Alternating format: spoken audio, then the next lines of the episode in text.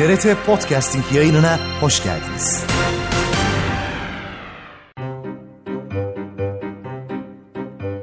Berrik, berrak, ora fundadan. Aa, Emir, Gizem, neredesiniz? Teker teker sizleri bir çağıracağım. Aa, gelin bakayım. Sevgili seyircilerim, saygıdeğer dinleyicilerim. İlk dakikalarında huzurlarınızda olmanın sonsuz kıvancı ve mutluluğu içindeyim. Modern zamanlar.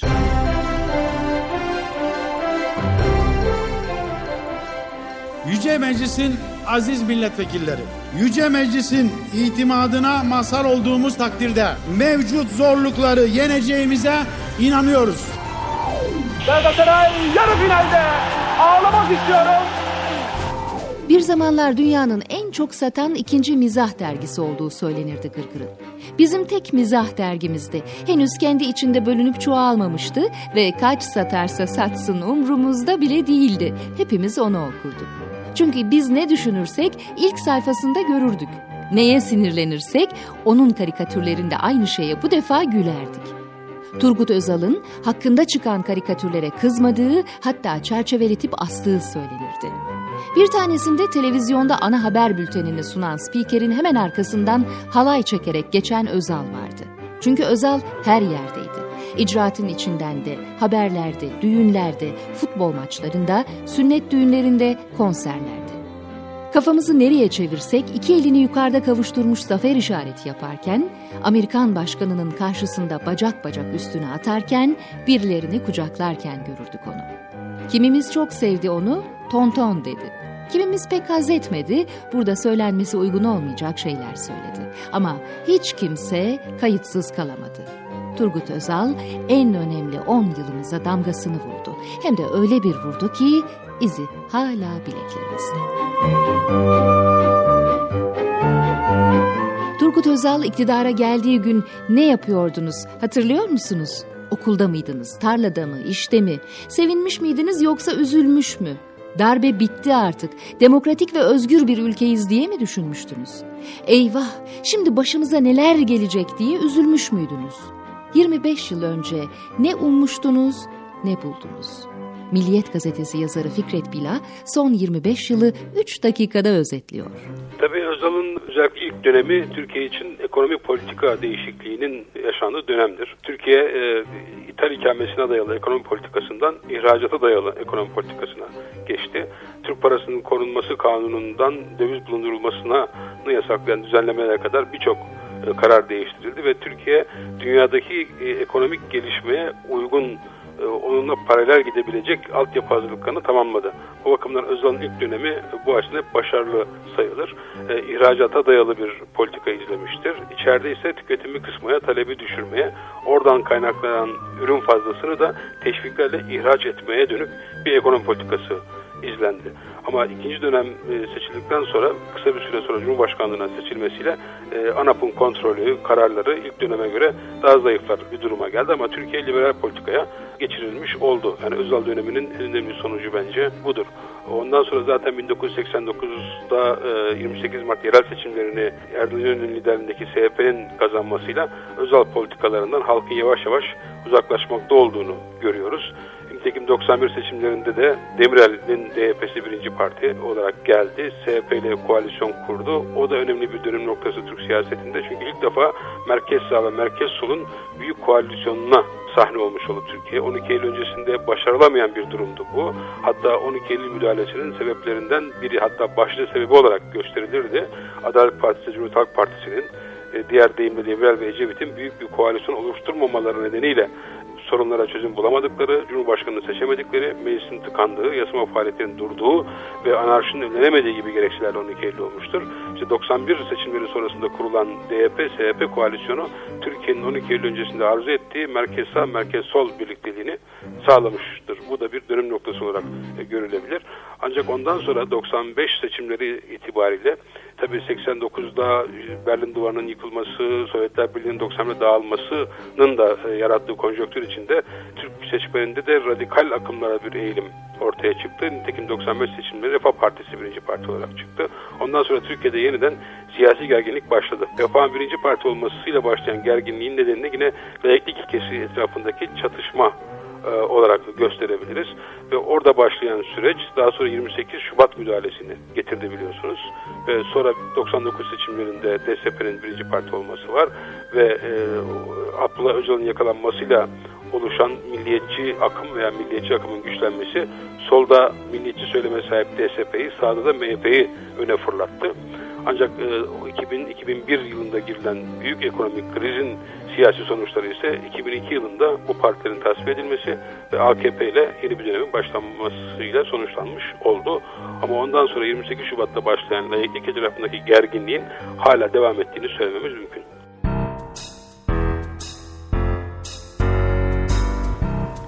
Dünyada 1980'lerin son yıllarında başlayan büyük ve derin değişiklikler eski dengeleri alt üst etmiş, önümüze yepyeni bir dünya coğrafyası, yepyeni ülkeler ve bizim için yepyeni mükellefiyetler ortaya çıkarmıştır.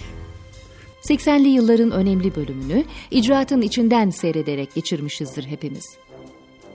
En sevilen diziler, heyecanla beklenen filmler icraatın içindenden hemen sonra gösterilirdi. Gençler o yüzden takip ederdi. 80'li yıllarda şimdiki gibi randevulaşmazdık televizyonumuzla. Dakik değildi zaten kendisi. Akşam 20'de bir açıldı mı kapanana kadar aralıksız seyretmek zorunda hissederdik kendimizi. Turgut Özal kalemini sallaya sallaya anlata dursun, ekran başındaki büyüklerin kimi ona hak verir, kimi sinirlenir ama gençler hep aynı şeyi dilerdi. Bir bitse de benim filmi seyretsek. 70'lerin politik genci gitmiş, yerine 80'lerin gerçekçi gençleri gelmişti. Ve 80'lerde tek gerçek pembe incili kaftanınız yani imajınızdı. Anavatan Partisi kurucularından Ekrem Pakdemirli bize kısa bir icraatın içinden turu attırıyor. Belki özlemişsinizdir. ANAP iktidar olduktan sonra önünde tabii bir demokratikleşme süreci vardı. Çünkü Milli Güvenlik Kurulu vardı. Başında anayasayla seçilmiş bir devlet başkanı vardı. Protokolde Turgut Bey altıncıydı. Cumhurbaşkanı dört tane komutan, beş bir altında şey vardı. Meclis Başkanı altı yani böyle bir yedinciydi yani. Yavaş yavaş siyasallaşma ile beraber sivilleşme yürüttük. Bir taraftan da ekonomik tedbirleri alarak Türkiye'yi e, dışa açmaya başladık ve Türkiye artık serbest piyasa ekonomisinden yana olduğunu deklare etti ve serbest piyasaya süratle geçeceğim dedi. Bunun gereği olarak da kitlerden uzaklaşmak, kitleri özelleştirmek, kitlerde e, yeni yatırımlar yerine halka özel sektöre e, yatırımları yaptırmak gerekiyordu. Bunlar için düzenlemeler e, lazımdı. Bu düzenlemeleri yapıyorduk. Bir taraftan para transferlerini ve dış ticareti libere ediyor idik kotaları kaldırıyor idik. Yeni e, ürünlerin Türkiye'ye gelmesine izin veriyor idik. Diğer taraftan da altyapıya önem veriyor idik. Altyapıdan kastımız işte havaalanlarını açmak, yollar yapmak, otoyollar yapmak. Onun dışında e, telekomünikasyon sistemini e, halletmek gerekiyordu. Onlara e, soyun oldu ve 89 yılına geldiğimizde Türkiye'de her il, ilçe ve köyde yerleşim yerinde otomatik telefonlarla e, dünyanın her tarafını arayabilir hale geldik. Orada bir büyük bir devrim oldu e, haberleşmede ve Türkiye bir atılım yaparak e, dünyanın ilk üçüne girdi modern bir sisteme sahip olması yönünden. Yollarda karar verdik işte otoyola geçildi, duble yollara geçildi. Belki duble yolları daha hızlı yapmamız lazımdı. Yani ne eksik kaldı ANAP'tan derseniz duble yollara e, daha fazla bir hız verebilirdik derim. Havaalanları çok sayıda yaptık. Turizm bölgeleri açtık.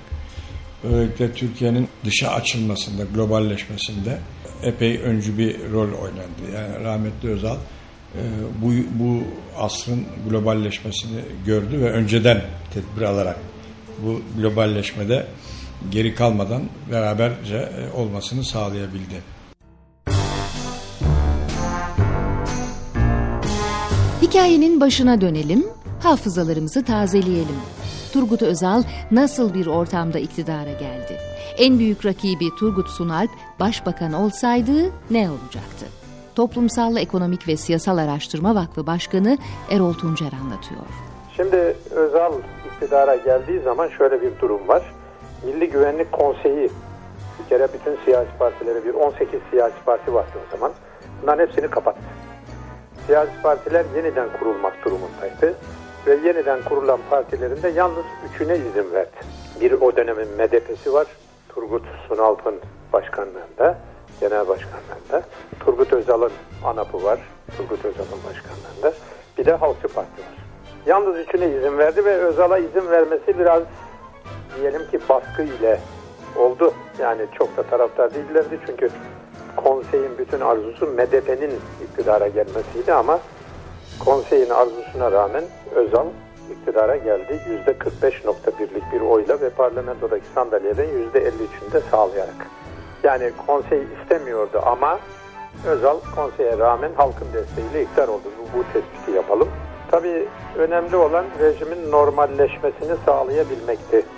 MDP'nin değil de ANAP'ın gelmiş olması rejimin normalleşmesi açısından önemli bir adımdır.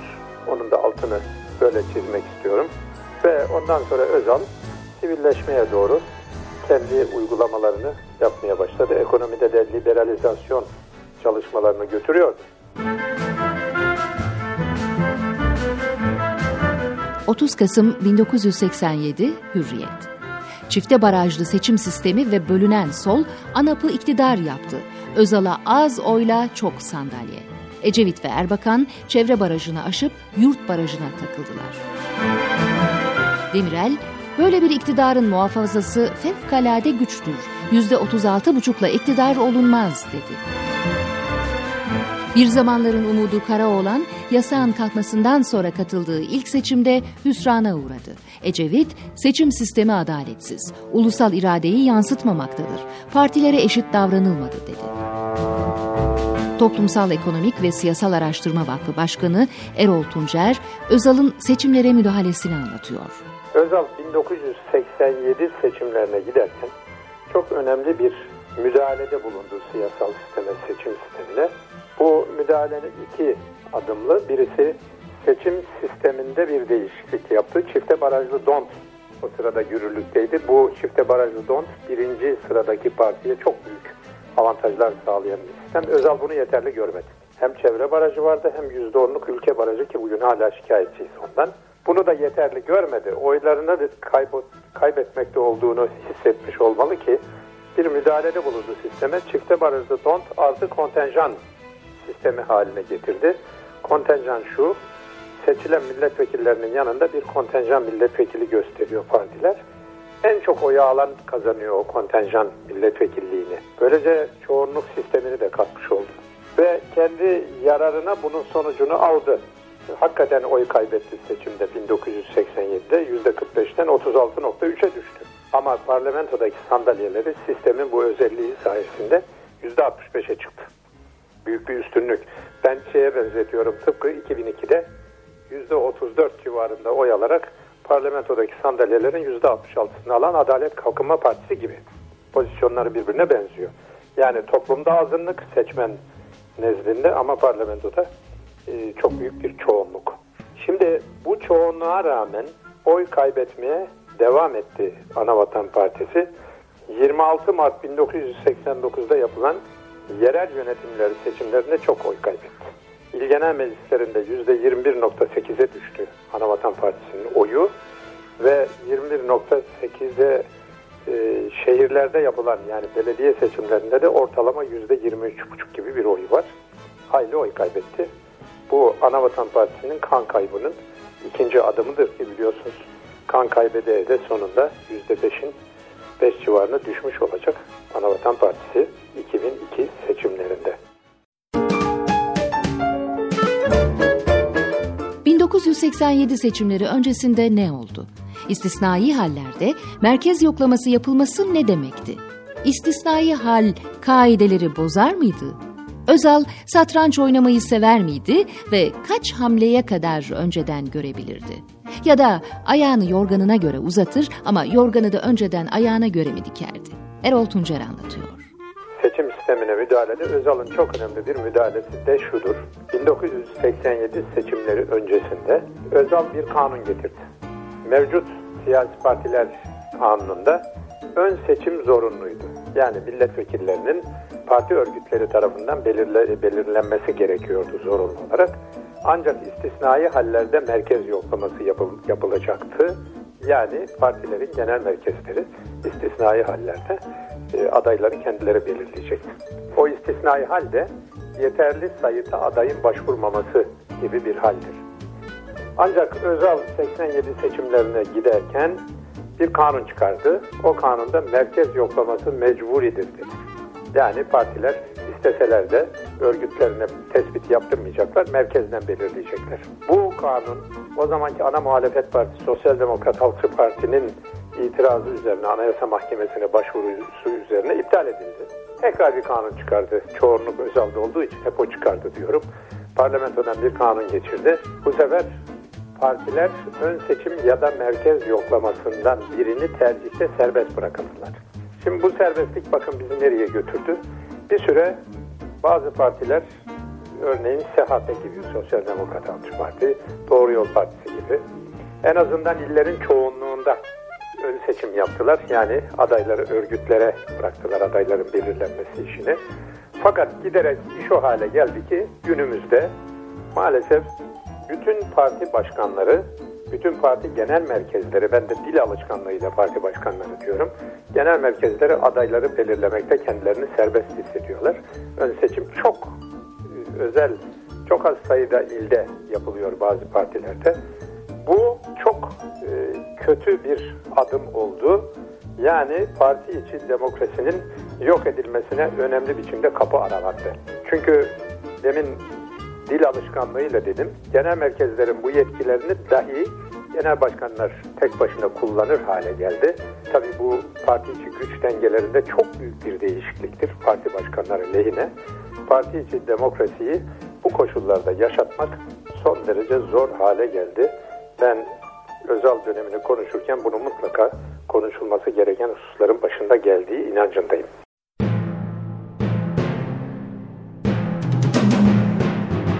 Hareketli bir yakın tarihimiz var. Hepimizin ucundan kıyısından bulaştığı, katıldığı, bir yakınını o tarihte bıraktığı bir kavgamız, belki de dünyada ilk defa halkın da istediği bir darbemiz, bir omuz verip kaldırmaya çalıştığımız demokrasimiz, hiç düşmeyen enflasyonumuz var. Şöyle bir ayaklarımızı uzatıp rahata ermeyi hepimiz çoktan hak ettik. Peki ne yapmalıyız ya da ne yapmalıydık? Hatalarımızdan hangi dersi çıkarmalıydık ki bir yazda bütünlemeye kalmadan güzelce bir tatil yapalım? Milliyet gazetesi yazarı Fikret Bila anlatıyor. E, yolsuzluklardan başlarsak e, Türkiye'de bir e, şeffaf bir yönetimin oluşmadığını görüyoruz. Bir iktidar erkinin hala ekonomik rant dağıtan bir mekanizma olduğunu görüyoruz ve bunun siyasiler tarafından istismar edildiğini görüyoruz. Bir ayağı siyasete, bir ayağı e, mafyaya dayalı bir mekanizma oluşturulduğu e, ve e, hala Türkiye'de e, Ankara'nın rant dağıtan en önemli mekanizma olduğu gerçeği karşısında da e, ya siyasi çıkar ya ekonomik çıkar e, sağlamak üzere bu mekanizmanın kullanıldığını görüyoruz. Keza iktidarlarda e, genellikle işte medyayı kontrol etme, medyaya sahip olma, medya üzerinden işlerini görme, medyanın da bağımsız ve tarafsız denetim işlevi yerine diğer faaliyetlerini kolayca yürütebilmek ve o faaliyetlerden daha çok para kazanabilmek için işlerden uzaklaştığını görüyoruz. Tabi bu iki temel unsur siyasi partiler ve medyanın böyle bir çıkar ilişkisine girmesi, bunun bir sarmal haline gelmesi, demokrasinin iki temel dayanağını e, asli işlevini görmesinden uzaklaşmalarına yol açtı. Bunlar hep halkın tabi denetim imkanlarını ortadan kaldıran bir mekanizma oldu. Bir takım yasal düzenlemeler bu işleri kolaylaştırıcı şekilde yürütüldü. Yani buradan çıkarmamız gereken ders hesap verebilir, şeffaf yönetim, yolsuzluklara karşı cidden mücadele eden ve e, yoksul halk kitlelerinin ekonomik ve sosyal haklarını düşünen e, politikalara Türkiye yönelmesi gerektiğidir. Maalesef henüz bu tam olarak gerçekleştirilemedi. Belki alınması gereken en önemli ders bu bence.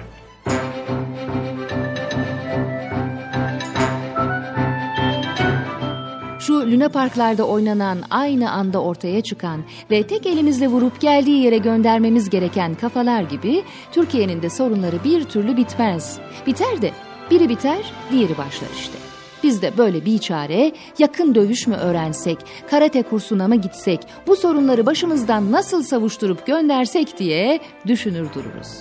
Babalarımızdan miras aldığımız sorunları en azından çocuklarımıza bırakmayalım, biz çözüverelim isteriz. Peki nasıl? Havuz problemini çözünce iki şehirden aynı anda yola çıkan trenleri, onu da çözünce Ahmet'in cebindeki 20 lirayla kaç tane kiraz, ayva ve elma alabileceğinin problemi, o da bitince tekrar havuz problemi. Nasıl bitireceğiz bunları peki? Ya da şöyle soralım, kim çözmeli bu problemleri? Toplumsal Ekonomik ve Siyasal Araştırma Vakfı Başkanı Erol Tuncer anlatıyor. Şu anda Türkiye'nin karşı karşıya bulunduğu en önemli sorunların önem derecesine göre listesini yapsak ben iki numaradan başlarım. İşte herkese de iki numaradan başlamasını öneririm. Herkes kendine göre işte bölücü terör diyebilir, irtica diyebilir, enflasyon diyebilir, hayat pahalı, işsizlik filan bunları kendine göre sıralar. Bir numarayı boş bırakmamın nedeni şu, Türkiye'nin bana göre en büyük sorunu bugün ülkemizde geldiğimiz kutuplaşma sürecidir. Yani demokrasi açısından, toplumsal huzur açısından Türkiye'nin en büyük sorunu budur. Yani iç politikayı bir cümlede özetlemek gerekiyorsa bu kutuplaşmayı yok etmenin ülkenin huzuru açısından ve demokrasinin geleceği açısından şart olduğunu söyleyerek bitirmek istiyorum. Bunda tabii yine en büyük sorumluluk iktidar partisine düşmektedir iktidar partisiyle birlikte partiler arası bir diyalog başlatarak ve ön koşulsuz bir tartışma ortamı yaratılarak bu kutuplaşmanın içinden çıkılabileceği kanısındayım. Burada hepimize sorumluluk düşüyor.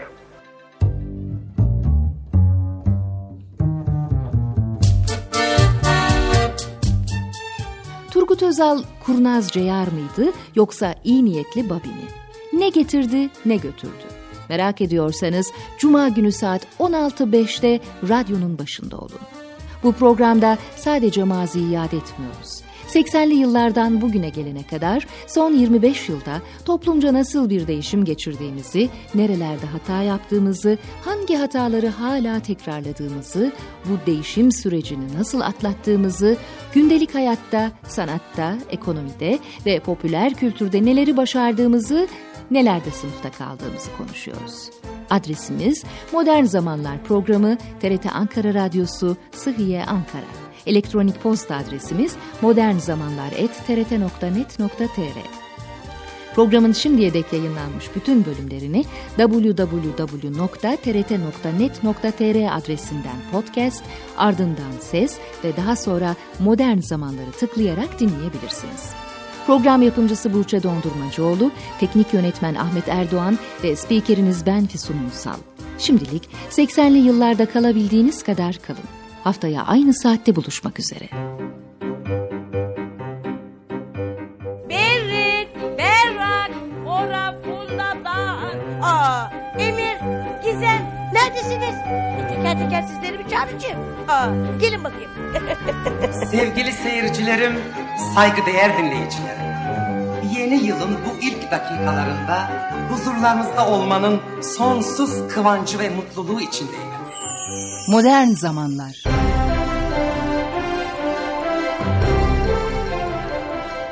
Yüce Meclis'in aziz milletvekilleri, Yüce Meclis'in itimadına mazhar olduğumuz takdirde mevcut zorlukları yeneceğimize inanıyoruz. Galatasaray yarı finalde ağlamak istiyorum.